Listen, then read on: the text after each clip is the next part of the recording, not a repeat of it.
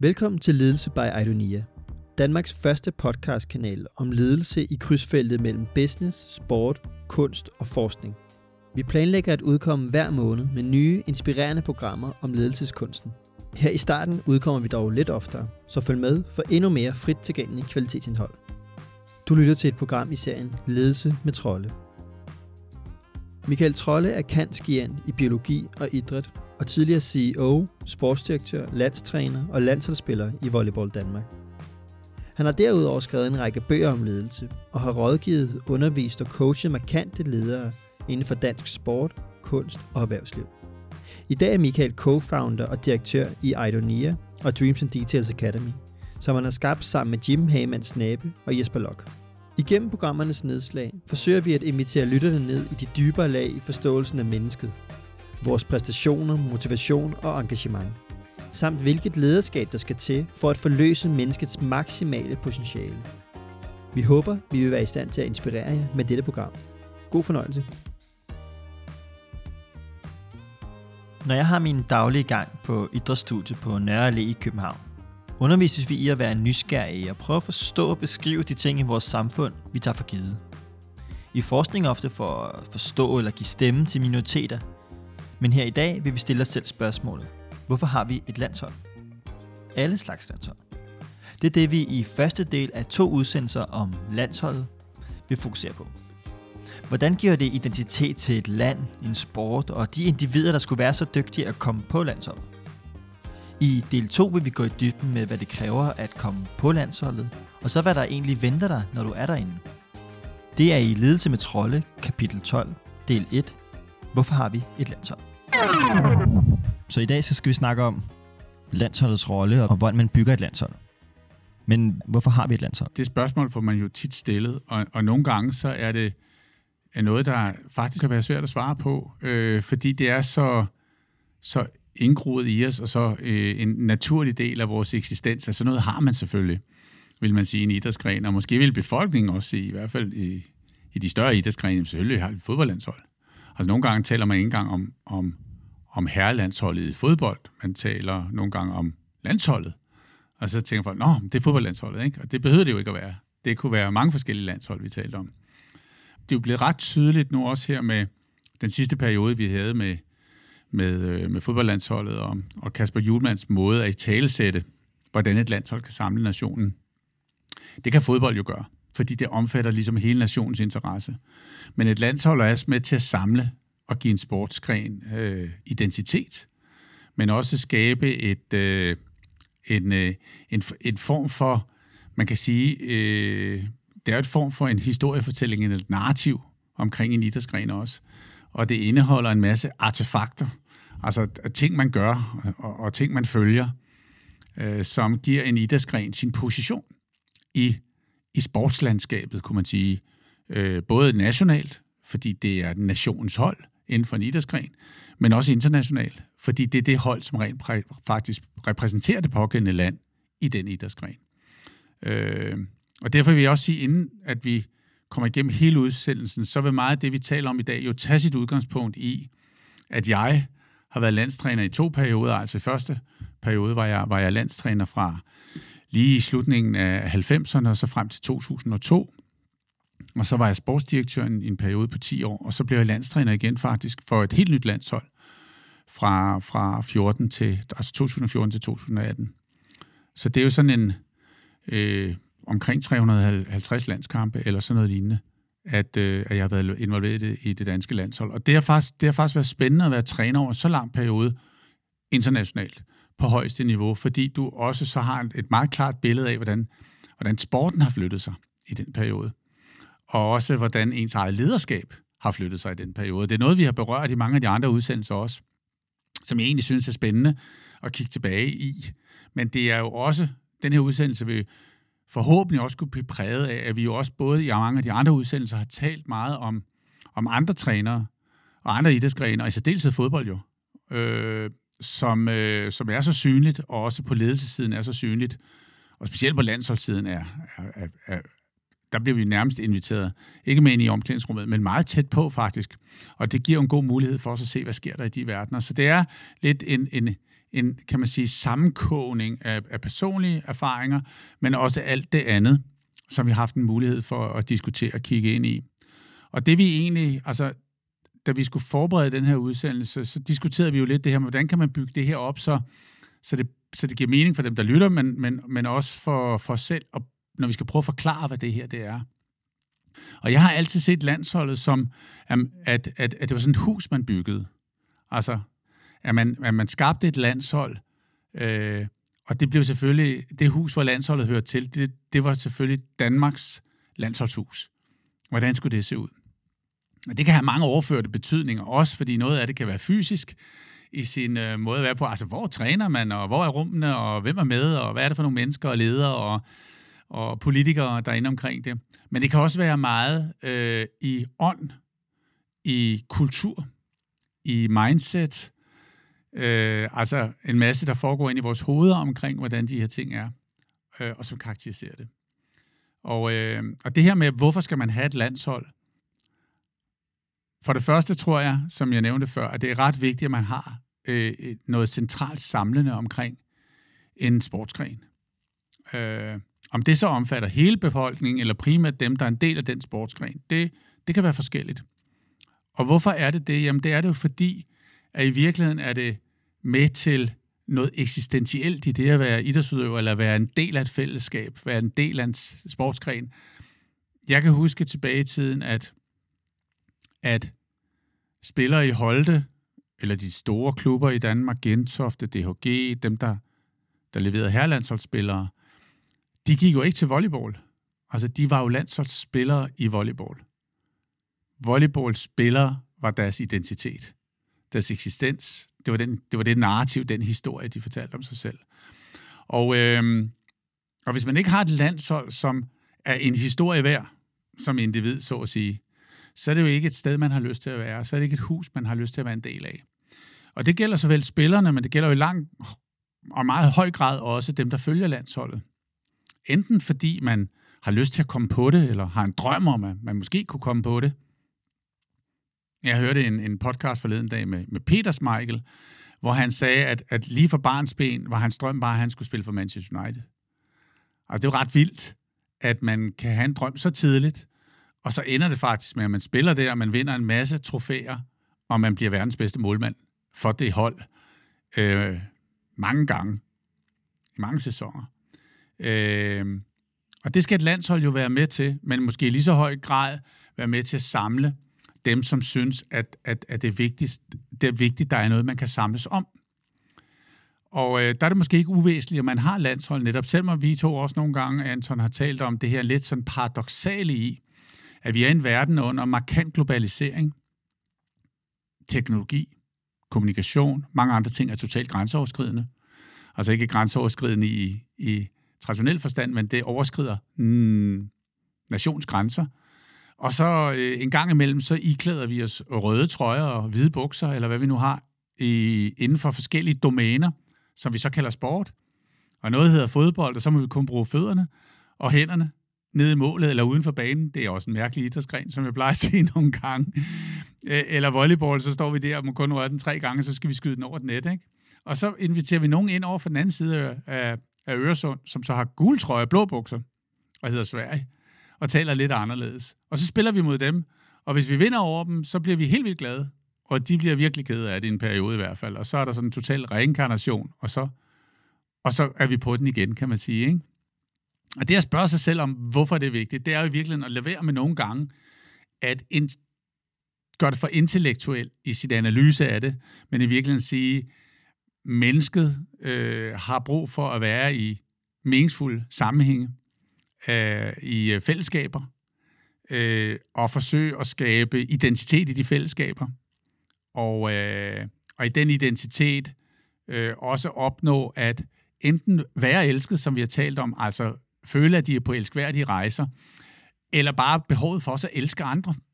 Altså, ikke bare sin næste eller sin kæreste, men elske noget, være vild med noget, være passioneret omkring noget. Og der kan sport nogle bestemte ting, på godt og ondt. Heldigvis mest på godt.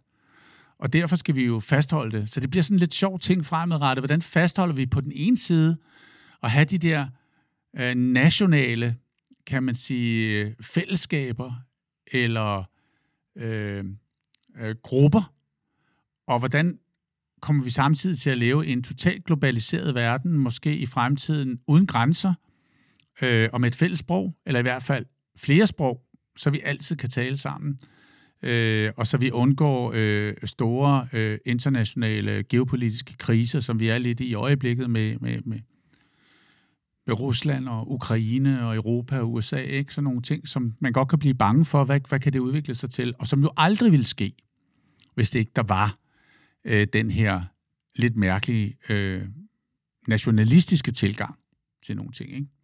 Det skal lige understreges, at vi lavede optagelserne til denne udsendelse nogle uger før Ruslands invasion af Ukraine, og vi vil ikke gå yderligere dybt med det geopolitiske spil, der foregår i Ukraine de her dage. Så, så, så, så jeg er sådan meget øh, ambivalent omkring det der med, hvorfor har man et landshold, men, men man skal så også huske, når man så har det, så er det jo med til at repræsentere Danmark internationalt øh, inden for den idrætsgren. Så, så, så for mig kommende for volleyball var det jo en meget speciel ting, fordi det var et af de, en af de helt store sportsgrene i verden. Øh, de der idrætsgrene kan aldrig rigtig blive enige om, hvem er størst. Jeg tror, alle har overgivet sig til fodbold nu. Men, men der var en lang periode, hvor at man, man faktisk mente, at der, der var flere volleyballspillere, end der rent faktisk var fodboldspillere aktiv. Fordi det er en meget, meget populær sport at spille, og den kan spilles alle steder. Du sætter bare en snor op, så kan du spille heller over snoren, ikke? Øh, næsten på en pløjemark. Øh, i, men volleyball har måske ligget i top 3. Og det var, det var meget specielt i alle de her landskampe at, at være en del af et nationshold i en så, øh, kan man sige, øh, verdensomspændende idrætsgren. Og faktisk enormt positivt. Nogle gange meget mere positivt, end det var at være landsholdstræner i Danmark på nationalt niveau, fordi vi vandt jo ikke som håndbold, og for den sags skyld som fodbold. Dels fordi idrætsgrenen relativt set var mindre i Danmark, øh, og derved så var man jo i en situation, hvor at, øh, at der var færre at rekruttere fra, og med alt vores viden om talentudvikling, og det vi har talt om tidligere, og det her med, at man ikke rigtig ved, hvem bliver de gode til sidst osv., så, videre, så er der ikke så mange at tage af. Og så samtidig at skulle have en 6, 8, 10 mand i hvert fald, der, der samtidig skulle præstere på ret højt niveau, for at du kunne slå lande i verden, som måske var 20 eller 30 gange større end Danmark det er, jo, det er jo rent matematisk faktisk næsten umuligt.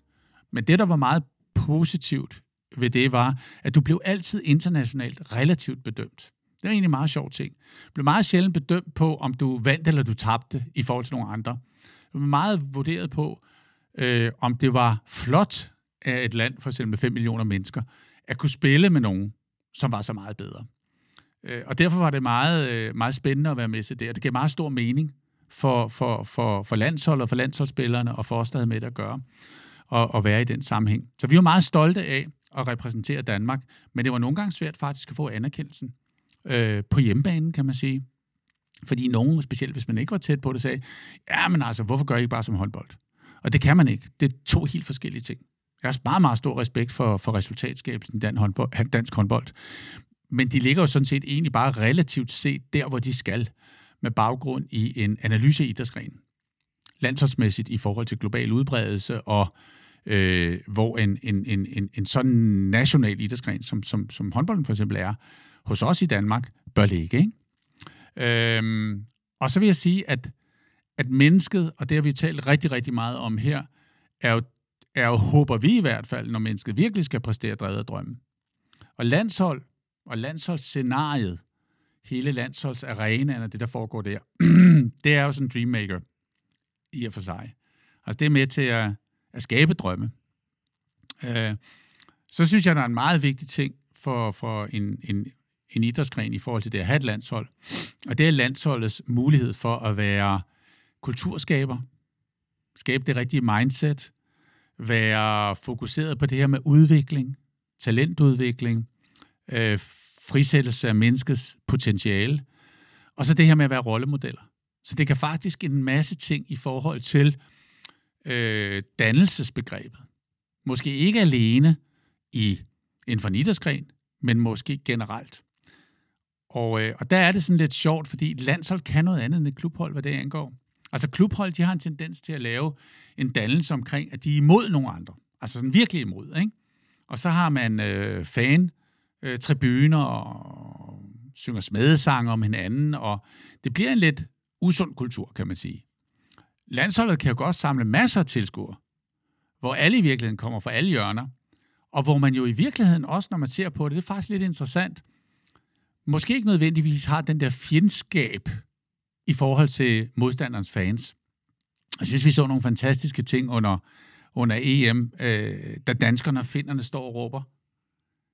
Christian Eriksen, Christian Eriksen, hver især i grupper, ikke? Fordi at den bedste spiller for Danmark øh, lå på kanten af livet, øh, og der var ikke nogen finder der, der begyndte at synge, haha, øh, tøsedreng, øh, et eller andet halløj, øh, og nu har vi en større chance for at vinde, fordi han ikke er der. Og sådan følte man det ikke. Jeg tror faktisk, det var en reel følelse at kigge ind på det scenarie og sige, det er noget andet. Så landsholdet er et andet rum end klubrummet på en eller anden måde. Det er mere samlende. Øh, og det tror jeg er vigtigt. Og det tror jeg faktisk, man har brug for i en, en sportsgren, at det, at det er sådan. Øh, specielt også, hvis vi skal balancere nogle af de andre ting. Fordi jeg tror nogle gange, der forhåbentlig på, på, på, på tværs af landegrænser, og også på tværs af, af klubber, skabes forståelse, indsigt og venskaber i en landsholdskontekst, som måske kan i hvert fald balancere lidt af den der underlige øh, fjendtlighed, der nogle gange er i, i, i sportsarenaer mellem to klubhold. Og i nogle idrætsgrene er det sådan helt udtalt, at øh, da der var VM i ishockey for eksempel for nogle år siden i Danmark, jamen ishockey-tilskuere, de, de ser jo kampe sammen Altså russere sidder ved siden af svenske tilskuere, de sidder i, i blokke, men det er ikke sådan, at man er bange for, at de skal sidde ved siden af hinanden, hvis de to landshold møder hinanden. Øh, fordi de egentlig anerkender også nogle gange, at så eksistentielt er det heller ikke, så det er liv og død. Så det kan noget specielt. Og derfor skal man have landshold, synes jeg stadigvæk. Måske i virkeligheden også for at have de rum fremadrettet, hvor menneskets behov for at skabe fællesskab og position omkring noget kulturelt, noget historisk, noget nationalt, kan leve der, således så vi i den virkelige verden, hvor vi skal skabe globale fællesskaber, global samhandel, global sameksistens, kan komme af med nogle af de mange barriere, der i øjeblikket eksisterer, og som ikke hører en moderne verden til. Og det kan, det, det kan være, at landsholdene i virkeligheden kan hjælpe til, at det stadigvæk er der, men at vi så kan få en bedre balance i den anden del af vores liv. Vi har indtil videre forsøgt at tegne linjerne op til, hvorfor vi har et landsholdshus. Og vi har i hvert fald fået etableret, at det har et Dannebro flane i baghaven. Men hvem skal bygge det, og hvordan er vejen derhen for unge atleter? Baghaven. Lige præcis. Ikke? Altså, jeg har haft unge landsholdsspillere, som, som besøgte mig som landstræner ude i Brøndby, og sagde, Michael, jeg vil gerne have et møde med dig, fordi jeg skal på landshold. og jeg tænkte nogle gange, okay, det må vi se, om det kan blive til noget. Men jeg synes altid, det var positivt, og tog altid møderne. Og en af dem kom, øh, spiller i dag på A-landsholdet, og kom super langt. Øh, fordi han skulle bare, altså Michael, jeg skal have installeret den der GPS, fordi jeg skal ind på det der landshold. Og det er dig, der har huset, det, det er dig, der er dørmand, kan man sige. Det er måske i virkeligheden, kan man sige, øh, hvem er man som landstræner? I virkeligheden er man måske dørmand, ikke? Man smider dem ud, som ikke har retten til at være der. Øh, man smider forhåbentlig ikke dem ud, som, som har været der længe og har opført sig ordentligt. Øh, og så finder man ud af, hvem, hvem skal have lov til at være med til festen. Ikke? Øh, så det kan man sige, hvis, hvis man ikke kan finde ud af at fortælle, hvad man er som landstræner, så kan man altid sige, at man er dørmand jo.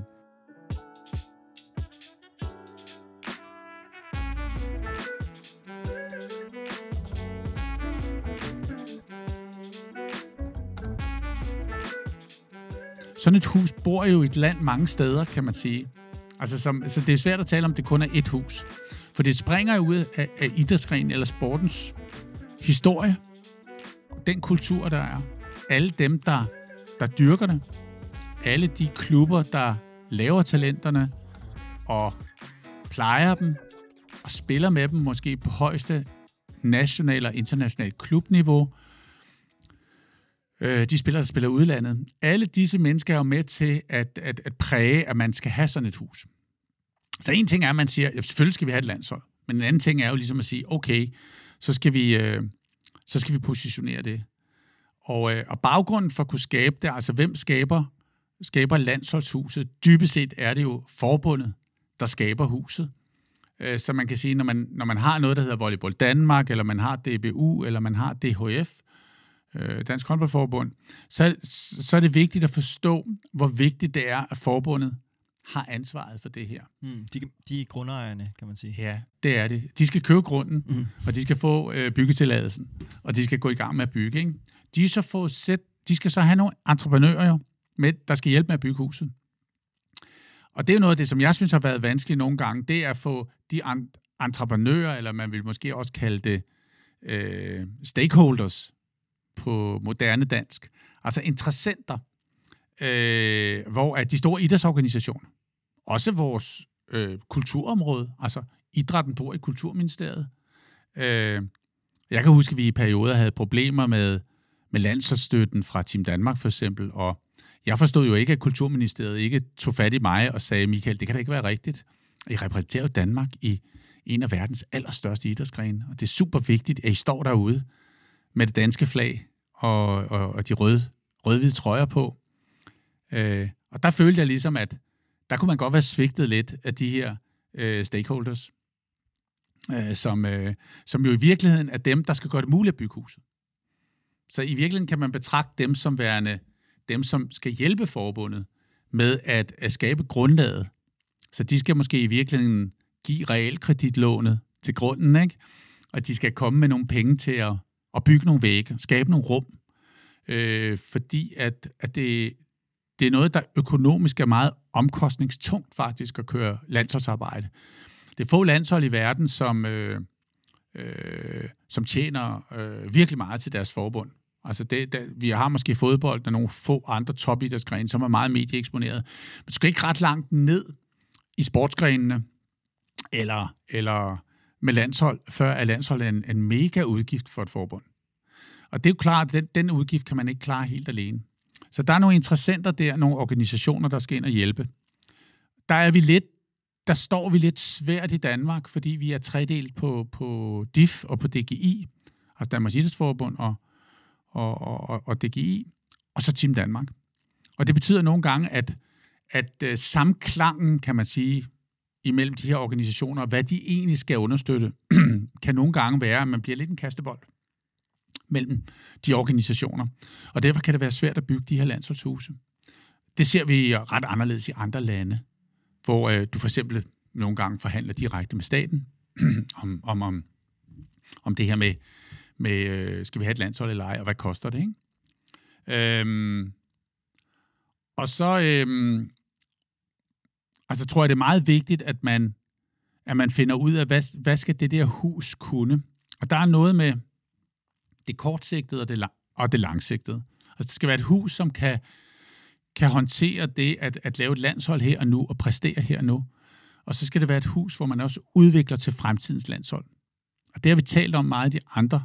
Det det udsendes også, det her med, altså har man resultatskabelse eller præstationsudvikling. Øh, og sådan rent, øh, rent sådan helt fysisk kan vi se, at det, at vi ser flere og flere steder i verden, hvor, hvor landsholdshuset faktisk eksisterer helt fysisk som et center, et sted, hvor det er det sted, man er, når man øh, mødes omkring det fælles projekt, at nu skal vi lave et landshold, nu skal vi ud og præstere for Danmark. Men det sted er også det sted, hvor man siger, når vi skal, når vi skal skabe noget ekstraordinært på det vidensmæssige, øh, som er sådan bredt, teknisk, taktisk, fysisk, analyse, det mentale, så har man de steder som værende en højborg, nærmest et udviklings- og forskningscenter, øh, hvor landsholdene bor. Og, øh, og, og når vi ser på, på idrætsgrener, det her er ikke volleyball specifikt, øh, det er lige så meget i, i andre idrætsgrener, i altså særdeleshed i fodbold. Så ser man nogle af de lande, der har været allermest succesfulde de sidste par år. De har formået at skabe sådan nogle helt øh, unikke fysiske steder, hvor, de har, hvor landsholdet ligesom har boet. Øh, så man kan godt tale om, at de har fundet en grund, og de har fundet interessenterne. Og interessenterne har sagt, nu skal vi bygge det her fantastiske sted. Og så bygger man det der fantastiske hus, øh, eller område, eller sted, hvor landsholdene så bor, og hvor, hvor alt det her udvikling foregår. Øh, og det er jo som landsholdstræner sådan det ypperste, at kunne få lov at at have sin dagligdag sådan nogle steder. Og jeg synes, vi med den erfaring, jeg havde, øh, der var vi virkelig altså presset nogle gange. Når vi skulle bygge et landsholdshus, så var det jo næsten på luftmadrasser i, i Brøndby med, med toastbrød øh, og, og skænker og ost øh, i pauserne mellem træningerne osv., eller i Vejle var vi en periode også osv.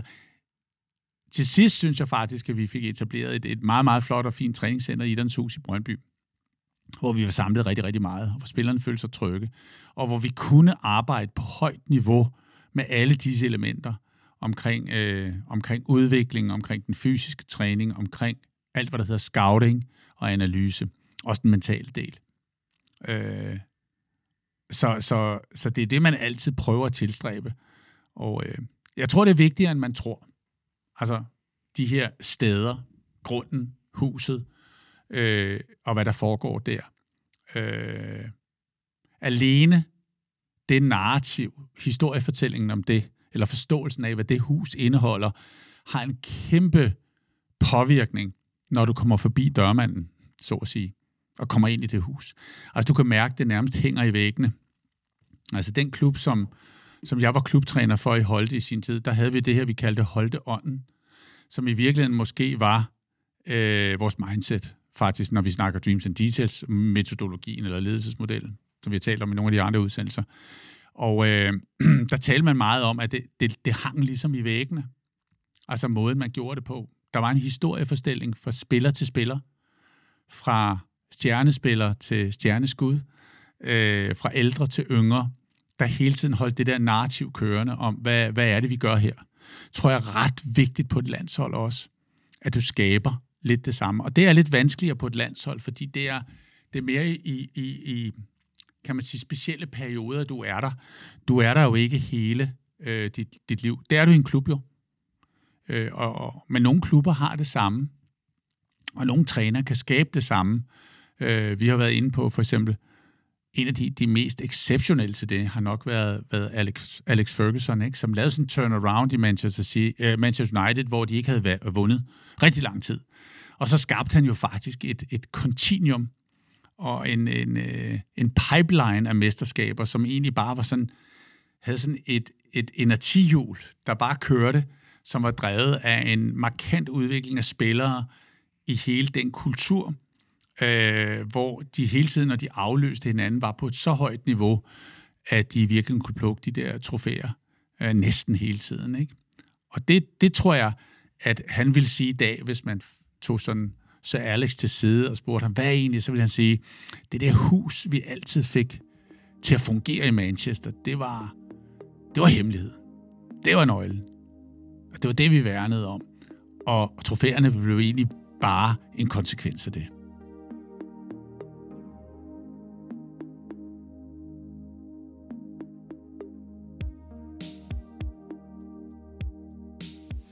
Så hvis et landsholds succes i og for sig bliver affødt af at have det rigtige landsholdshus eller den rigtige kultur, så er det store spørgsmål, hvordan bygger man det hus?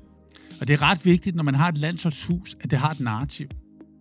Det har en historiefortælling, som gør det til noget, man kan drømme om at blive en del af. Øh, så det ligner meget det, vi har beskrevet i Dreams and Details. Altså det her med, det er et hus, som, hvor drømmene får lov at eksistere. Øh, det er også et hus, som er placeret meget tydeligt i retning. Det ligger, det ligger som et hus, som man er nødt til at være i, for at man kan blive kvalificeret til som menneske at have en mulighed for at optræde for et hold, der har retten til at være en speciel arena. Altså det er ret vigtigt, at man forstår lige præcis det. Jeg siger altså det her med, med huset skaber retten til at rejse med et hold hen imod en arena og være i den arena. Og, øh, og huset er også med i en eller anden grad, er det med til at afstemme de ambitioner, vi kan have. Fordi husets funktion og det at være beboer i det hus, hænger uløseligt sammen med de ambitioner, vi har. Altså ambitionerne for vores resultatskabelse er med til at forme husets rum, og hvad der foregår i det hus, og hvem der må være der. Og, øh, og da det hus er meget krævende at være i, så er det ret vigtigt, at det er helt vildt inspirerende at kunne få lov at være i det hus. Så derfor øh, taler det enormt meget ind i den der inspirerende drøm. Og, og, og når jeg taler om det hus der, så tror jeg mange, der hører det, vi taler om lige nu, tænker spillerne, spillerne, spillerne. Men altså, der er utrolig mange interessenter omkring sådan et hus. Og dybest set kan man sige, hvis du tager noget så, så omfangsrigt som, som dansk fodbold, så er det hus jo noget, som alle i virkeligheden ønsker på en eller anden måde at være en lille smule en del af. Måske kommer man ikke ind i det, men man taler om det, og man, øh, man engagerer sig i, hvad der foregår, og man vil gerne høre, hvad der er ind, og man vil gerne kigge derind en gang imellem. Og man vil i hvert fald rigtig, rigtig, rigtig gerne øh, kende og forstå og høre om dem, der er derinde. En gang man får man lov at se dem. Fordi så kommer de ud, og så bliver de kørt ind i en kontekst, hvor vi har lavet en, en mærkelig regel om, at to hold skal spille mod hinanden, og så skal vi se, hvem der er bedst. Og så er der nogen, der styrer, at man gør det inden for, for et regelsæt. Men i virkeligheden er det, er det helt attraktivt ved et landshold, jo i virkeligheden alt det, der næsten også foregår omkring sådan et hold. Hvor jeg synes, at sådan en som, som Kasper Julemand har været meget dygtig til en balance imellem, hvilke rum i huset er intime, og hvilke rum i huset kan være folkelige. En hård, fin balance. Hvad for nogle døre kan man lukke op? Hvad for nogle døre kan man ikke lukke op? Altså folk har vel lagt mærke til, at, at Kasper er fuldstændig transparent og ærlig som leder, men der bliver ikke optaget, når han taler personligt eller til sine spillere. Det gør han lidt på pressemøder, men så er det jo, fordi det er et pressemøde, sammen med nogle spillere tit. Nogle gange forskellige spillere. Men han er jo heller ikke en træner, der, der, der, der inviterer ind til nogle meget intime seancer med spillerne eller i omklædningsrum osv. Men han vil gerne invitere ind til, at man har en diskussion omkring, hvordan landsholdet spiller. Og så er tegnebrættet fremme, og så der er en meget, meget fin balance i det, Kasper gør, i på den ene side at invitere ind i huset, men også beskytte huset, gør det til en borg for spillerne. Fordi det at være i det hus er så krævende som spiller, så hvis huset ikke passer på dig, så er det meget svært at være i huset. Og det ser vi sådan i overført betydning nogle gange, at det her landsholdshus nogle gange ikke passer på dem, der er der. Og, øh, og så får man ikke lyst til at være der. Og så har man jo dybest set ikke det bedste landshold. Øh, så siger folk, at landstræneren kan jo altid udtage de bedste spillere. Det kan man jo ikke helt, fordi de skal også ville spille. Eller, de skal ikke bare være der jo. De skal være der den allerbedste version af dem selv. Med den største mulighed for at være trygge i præstationen, fordi de kan klare det, som vi har talt om før. Ikke fordi vi ikke stiller krav til dem eller er ambitiøse, men fordi vi har gjort dem klar til at kunne klare den. Øh, og derved har vi passet på dem. Således at vi sikrer, at hver gang de er i det hus, så føler de sig elsket, og er på en af de der elskværdige rejser, som vi har talt om, er det ypperste i lederskabet, nemlig at de, at de føler sig elsket. Og hvis man gør det, så er det noget, man rigtig, rigtig gerne vil komme tilbage til. Og det er den hårfine balance i det her landsholdshus. Det er på den ene side at have øh, nogle, øh, et hus, som i den grad øh, stiller krav til mennesker omkring at være en helt ultimativ version af sig selv, inden for et fuldstændig specifikt domæne, som vi så har besluttet, at den her sportsgren skal karakteriseres ved. Og så samtidig gøre det, det trygt og rart sted at være, øh, hvor, øh, hvor landsholdsspillere, trænere, politikere og øvrige interessenter virkelig har lyst til at komme. Sponsorer og fonde og alt, hvad der nu er omkring det. Og, øh, og det er rigtig vigtigt at forstå det her, fordi at vi ikke laver et hus, der kun emmer af trivsel. Altså, det er ikke hyggerum og øh, fadbamser, og vi har det sjovt sammen, kun. Det er det måske også på de helt rigtige tidspunkter. Men det er jo det er rummene med den helt store passion, helt store ambition, den helt store vilje til at ville noget helt exceptionelt sammen, øh, og, og, og derved forløse drømmen øh, der eksisterer i det hus. Det er der mange, der misforstår. Og der er også mange ledere, som kommer til at lave et trivselshus. Og de kommer ikke til at få succes med deres landsholdshus. Men det betyder ikke, at trivsel ikke kan være der. Det er bare nødt til at være kombineret med, øh, med engagement og voldsom passion. Så derfor er, er landsholdshuset jo et, øh, et sted, som måske også læner sig meget over i nogle af de ting, vi talte om, omkring virtuositeten og virtuoso teams, at det er, det er et, et, et, et hus, der rummer virtuositet. Og måske er det et krav, at det er sådan.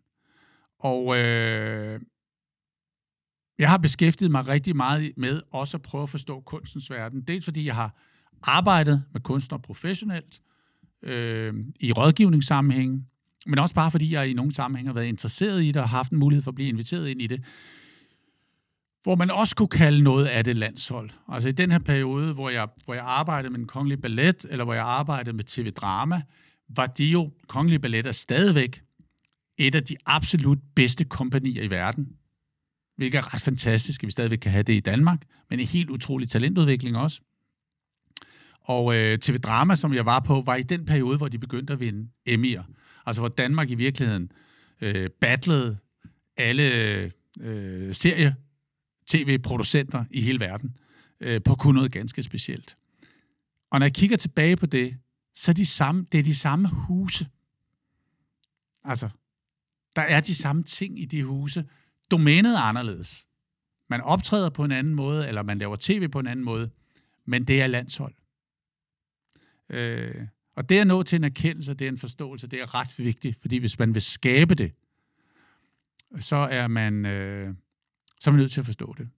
Og på et tidspunkt, for eksempel da jeg trænede Holte for mange år siden, så kom der nogen og sagde til mig, Michael, nu skal du høre en gang, I har vundet 230 kampe i træk mod danske modstandere, og det er ikke så mærkeligt.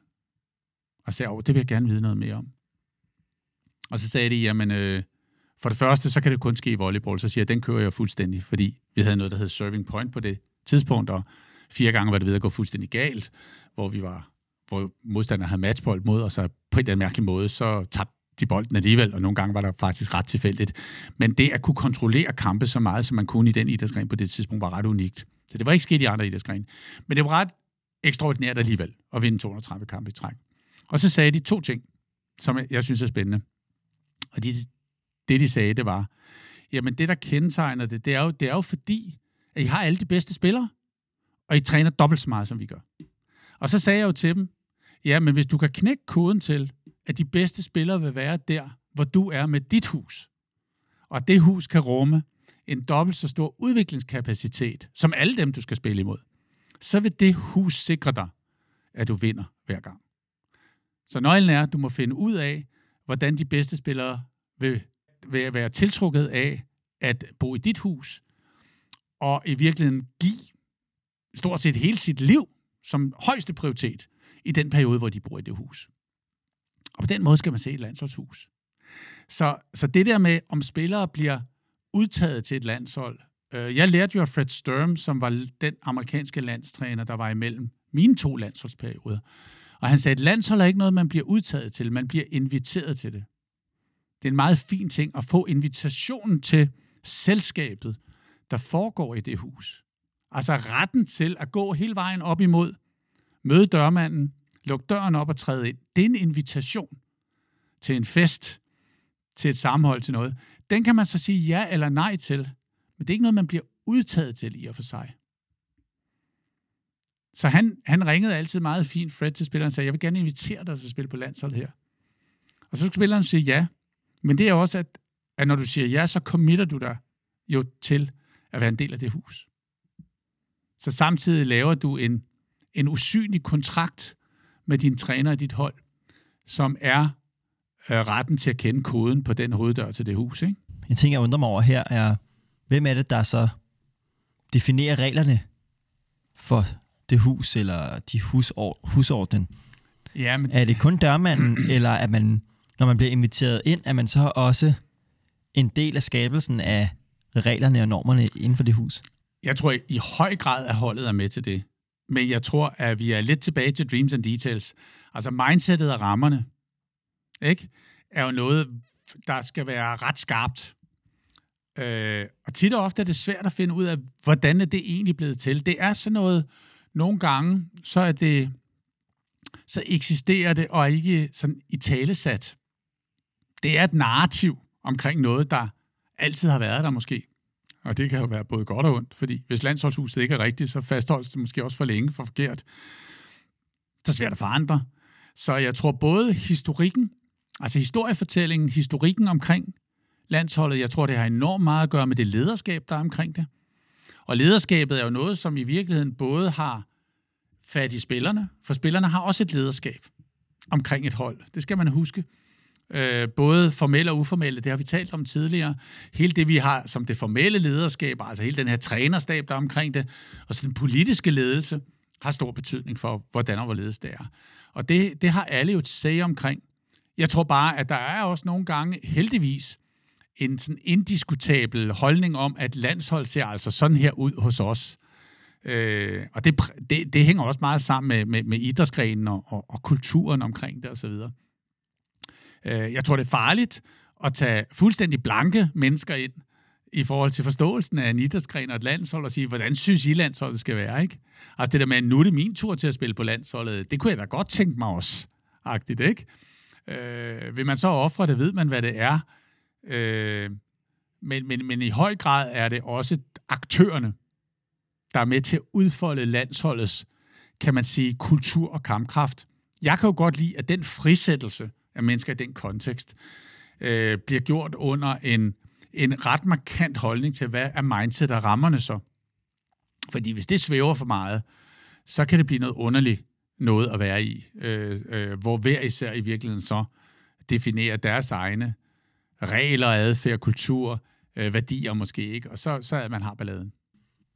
Ja, jeg tænker også i tråd med det, at når vi snakkede om, hvad et landshold skal kunne, og det skal kunne skabe drømmene, både for de spillere, der er med derinde, men også for alle os, der godt kan lide at samles om landsholdet, uden at vi måske er de største håndboldfans eller mm. ishockeyfans, som der kører lige nu.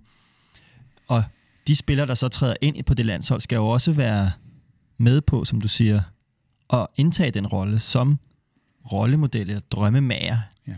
Øhm, og det skal de ligesom være en... De er jo nærmest øh, kropsliggørelsen ja. på den drøm, ja. som vi samles om at se udfolde sig. Ja. Og så er vurderingen af den drøm jo så om, i en eller anden kontekst af, hvad kan vi forvente for holdet? Ja. Og hvad er det for et udtryk, og hvad er vi her for at vinde, eller er vi her for at skabe smukke præstationer? Ja. Jamen det er jo netop der, hvor jeg godt kan lide. Jeg er sikker på, at, at, at det er i hvert fald den oplevelse, jeg selv har haft, men jeg er også sikker på, at den eksisterer hos nogle af de landstrænere, som vi så i øjeblikket jo taler mest om og kære omkring, fordi det er også dem, der er eksponeret. For eksempel Kasper på, på, på herlandsholdet i fodbold. Og når han siger for eksempel, øh, begynder at tale om udtryk, eller vi er det rigtige sted, så er det jo ikke noget, du kan sige, hvis ikke det er noget, du har haft nogle indgående diskussioner og, og dialoger med dine spillere om. Hvad betyder det? Og de har jo selvfølgelig været med til også at sige, jamen øh, det ser vi sådan her. Kasper gjorde jo også den med, og det tror jeg er også lidt normalt i hans situation, fordi han ville jo gerne have danskheden ind. Det synes han var vigtigt. Så han øh, prøvede jo at hente inspiration, også fra andre verdener. Lidt på samme måde, som jeg har gjort. Jeg, Kasper gjorde det mere bevidst, at nu skal jeg være landstræner. Nu må jeg ud og tale med nogen om, hvad, hvad betyder det i andre verden. Tale jo med politikere og kunstnere og, øh, og, og, og mange andre personer, der kunne inspirere ham den vej rundt, for måske også at få det trukket ind i fortællingen, eller i hvert fald også det, der skulle diskuteres. Øh, også med spillerne om, hvad, hvad betyder at være det rigtige sted? Hvad betyder det at være i landsholdshuset? Øh, hvad er det for nogle forpligtelser? Og hvad er det for nogle øh, roller, vi forventer hver især at have, og hvordan udtrykker vi dem? Og hvad, hvad er det for nogle evner, der skal ligge i de roller, for at vi kan spille på landsholdet? Altså for en landsholdsspiller, det er jo ikke kun evner, som handler om, hvor dygtig du spille fodbold. Det er også øh, din, øh, din menneskelige kvalitet, din dannelse og uddannelse som menneske, øh, øh, og din evne til også at kommunikere og synliggøre det, fordi du også har en, en rollemodels forpligtelse, fordi det er eksponeret. Det, det, det, det er jo det, der følger med, men som også giver identitet jo. Og, og føler, eller skaber den der følelse af, at man er elsket. Øh, så det tror jeg er ret vigtigt. Ja, jeg kom bare også til at tænke på, at jo, man kan forestille sig, at desto mindre en sportsgren er, desto mere, desto tættere kommer du på dem, du drømmer om som landsholdsmedlem. Fordi du måske er ude blandt de andre klubber og ser de unge spillere være med, så du er endnu højere grad en menneskelig sådan rollemodel, hvor de jo i de store eksponerede sportsgrene måske i højere grad er øh, mediefigurer eller øh, større sådan offentlige rollemodeller. Jamen, det hvor der måske kan være en større menneskelig del i det at være rollemodel på de små landshold. Hvor, ja, Det, jamen, det er rigtigt. Altså, der, der kan være en så stor eksponering, øh, også når vi kigger på nogle af verdensstjernerne, altså Messi, Ronaldo og sådan nogle ting. Interessant er faktisk, når de får lov faktisk at, at være den helt naturlige rollemodel ude blandt nogle unge mennesker osv., så, videre, så lever de jo i det på samme måde som alle mulige andre mennesker. Og hvilket gør, at den der, den der følelse af at være noget for andre mennesker er universel, eksistentiel øh, tapper ind i alt omkring det, vi har talt om kærlighed og parentship og alle de der ting der. Det, det passer bare så godt sammen set ud fra en sådan eksistentiel biologisk øh, tilgang. Men det er jo rigtigt, at nogle af dem, der er, der er på landsholdsniveau, er nogle gange, kan nogle gange blive lidt fjerne, og så kan så stadigvæk være rollemodeller. Derfor tror jeg, det er vigtigt, at man lukker, at man lukker den boks lidt op. Og det, det er et meget godt eksempel på, hvordan der har været en transformation fra, fra, fra inden for, for fodboldlandsholdet for eksempel hvor de er meget mere tilgængelige, men dog alligevel beskytter holdet. Så der er en meget fin balance.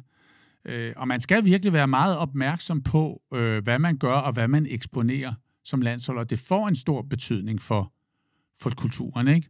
Så det er heller ikke helt ligegyldigt. Altså, jeg sagde jo altid øh, til en landsholdsspiller, det vigtigste, du skal vide, det er, at du har altid Danmark på ryggen. Altså, så længe du er en del af det hus her, så har du altid Danmark på ryggen. Og det bliver du bare nødt til at tænke over, hvad betyder det? Og det forpligter jo i langt mange sammenhæng. Det, det, det betyder også, at du i nogle sammenhæng må lide nogle afsavn og lave nogle prioriteringer for at have lov at have Danmark på ryggen. Øh, og det, øh, altså det kan man ikke bare, jeg har haft diskussioner med mange spillere omkring, at det kan man ikke bare i nogen sammenhæng sådan lige se igennem med. Og der skal man også passe på i nogle sammenhæng, at at landsholdsspillerne ikke bliver eksponeret i sammenhænge, hvor de måske ikke burde have Danmark på ryggen. Og trænerne ikke burde eksponere det.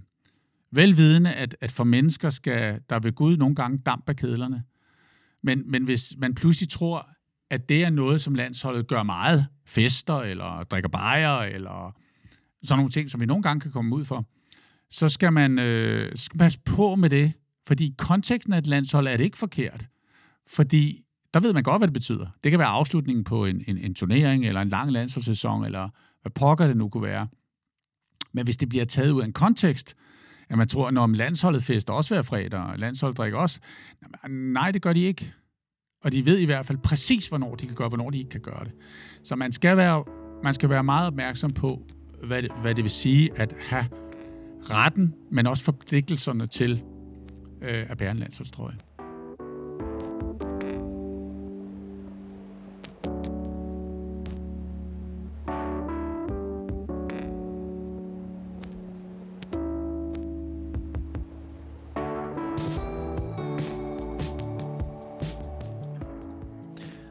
Du har lyttet til del 1 af to udsendelser om landsholdets rolle i sport. Vi har forsøgt at give svar på, hvorfor vi overhovedet har et landshold, og hvilken rolle det har i dannelsen af en global, national og sportslig identitet. I del 2 skal det handle om alt det, der sker inde i landsholdshuset. Om hvorfor det ikke nødvendigvis er de bedste spillere, der bliver inviteret indenfor, men altid de rigtigste.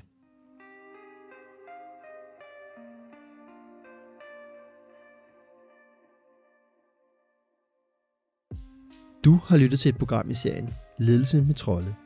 Mit navn er Anton Mærkød Knudsen. Jeg er redaktør på kanalen og har derudover min ekspertise inden for præstationspsykologien. Michael og jeg håber, vi har været i stand til at inspirere dig, og at du vil sende ønsker til emner eller interessante personer, du gerne vil høre fra, i kommentarsporet eller på mail kontakt og hvis du vil blive yderligere inspireret om ledelse, rådgivning eller bestyrelsesarbejde, er du velkommen til at besøge idonia.dk og se under fanen Insights. For nu vil vi bare sige tak, fordi at du lyttede med. Vi høres forhåbentlig ved